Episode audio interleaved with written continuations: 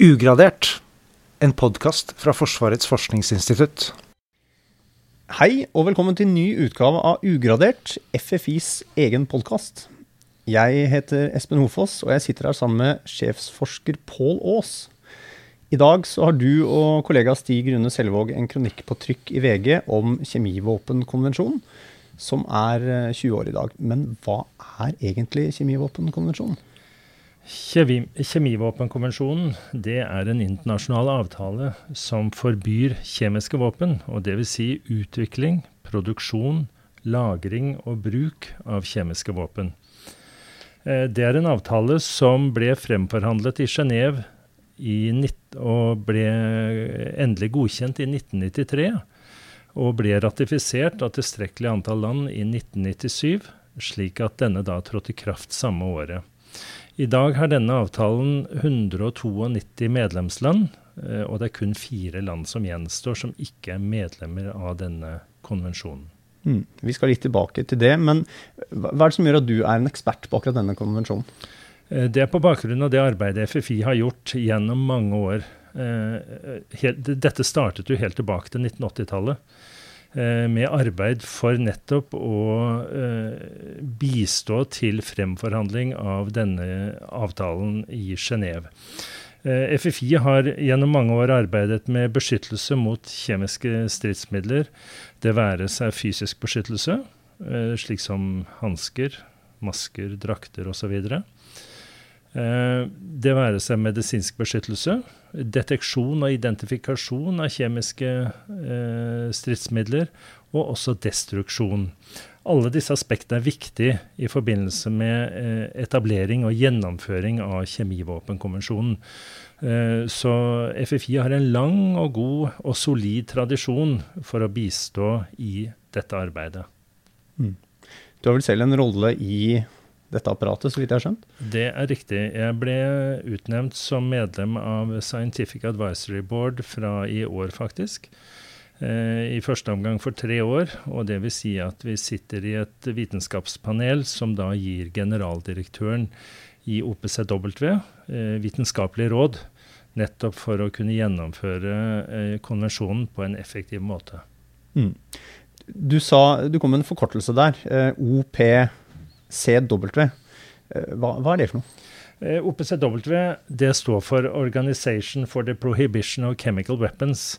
Dette er da en selvstendig internasjonal organisasjon. Det er altså ikke et FN-organ, men det er en selvstendig internasjonal organisasjon som medlemslandene da finansierer. Denne er etablert i Haag i Nederland eh, og har ca. 500 personer ansatt fra hele verden som da skal gjennomføre eh, inspeksjoner og sørge for at denne avtalen blir overholdt i alle de 192 medlemslandene.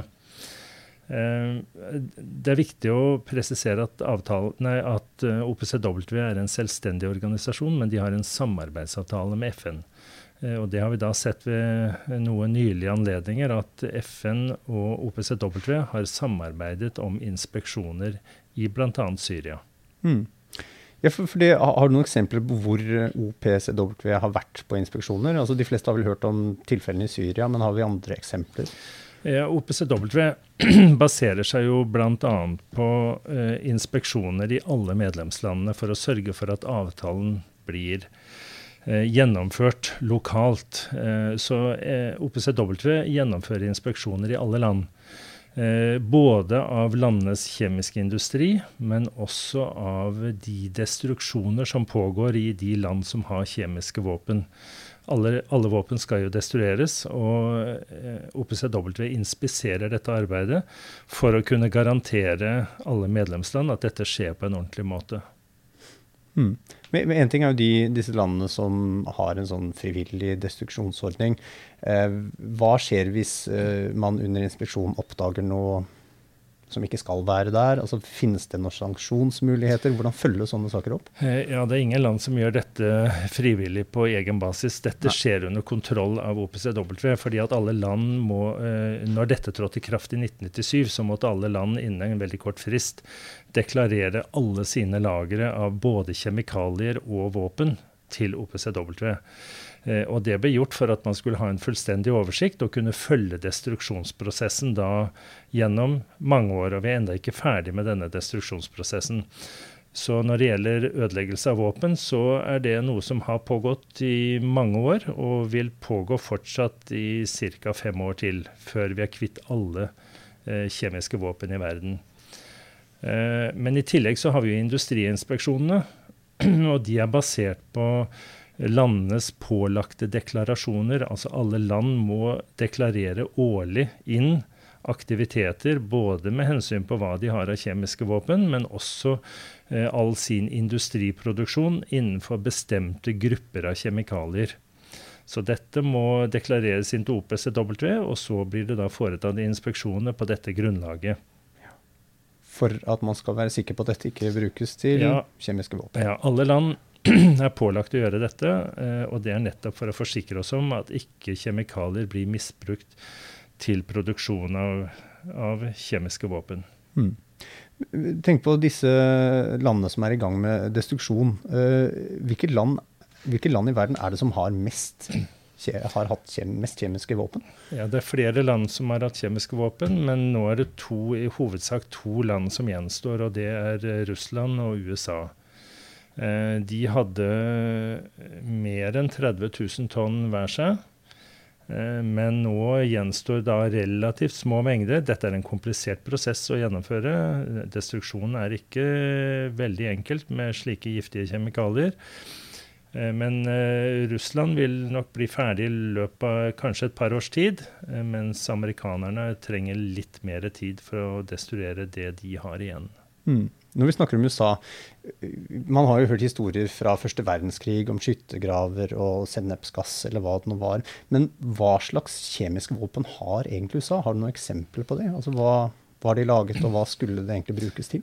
Ja, De land som produserte kjemiske våpen, la oss ta Russland og USA. Det som er typisk for de lagrene, er jo at de har hatt nervegass og hudgass. Eh, Dvs. Si sennepsgass.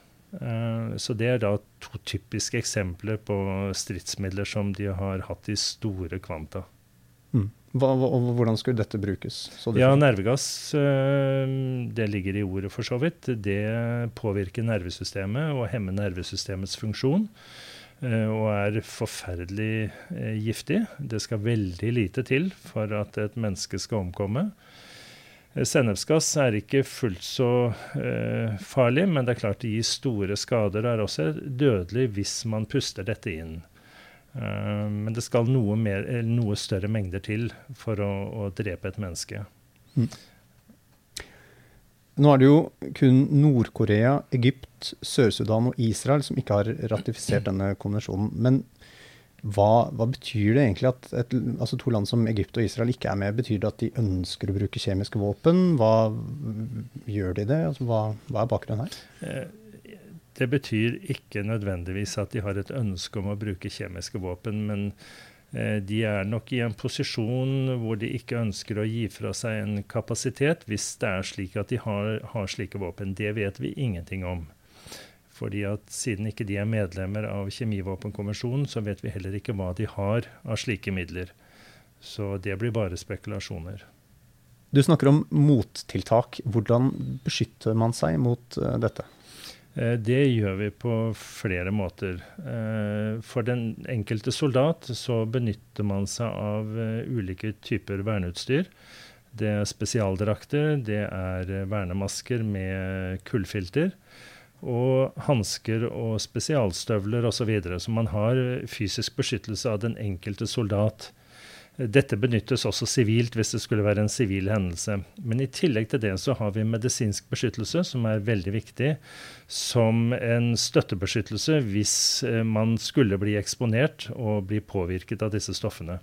Og medisinsk beskyttelse må være helt spesifikk for hvert av de enkelte kjemiske stridsmidlene.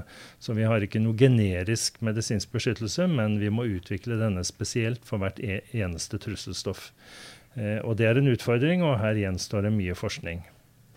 Så da må man nærmest ha et arsenal av medisin eller motgift? Ja, det er en kombinasjon av uh, ulike typer motgifter, uh, samtidig som man må ha detektorer eller indikatorer som forteller oss hva slags kjemiske stoffer vi har vært utsatt for. Eh, det er klart det er mye enklere å behandle hvis vi da vet hva personen har vært utsatt for. Så hvis vi har gode detektorer eller gode analysemetoder som forteller oss raskt hva som har vært brukt, så kan vi sette inn enda mer spesifikke medisinske mottiltak. Men det er faktisk store mangler eh, når det gjelder medisinske motmidler mot kjemiske våpen generelt. Mm. Og dette er noe som eh, OPCW også forsker på?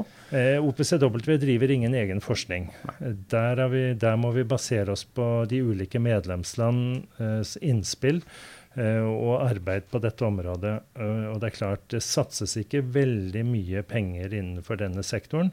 Så derfor så tar denne forskningen tid, og det er fortsatt store hull og mangler i eh, motmidler mot en rekke kjemiske stridsmidler.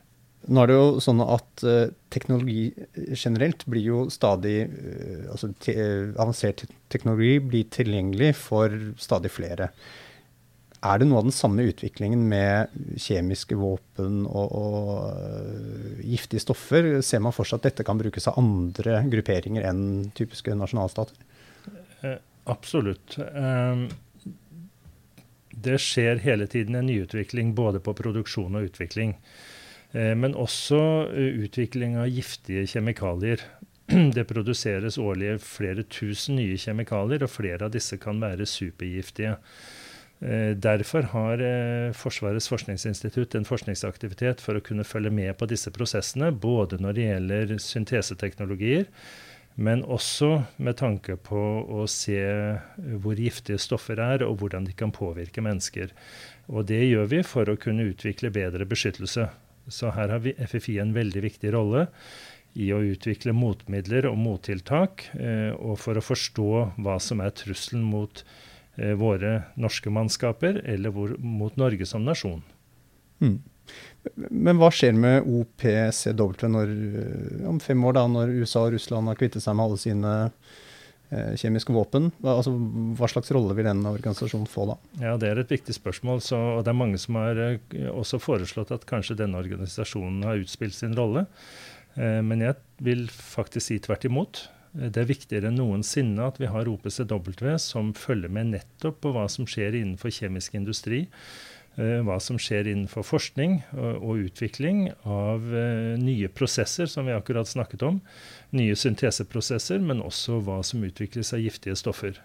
Eh, OPCW har en veldig viktig funksjon i å inspisere alle medlemsland slik at ikke slike våpen eh, produseres på nytt og brukes eh, i eh, internasjonal krigføring eller ved terrorhendelser, for den saks skyld. Mm.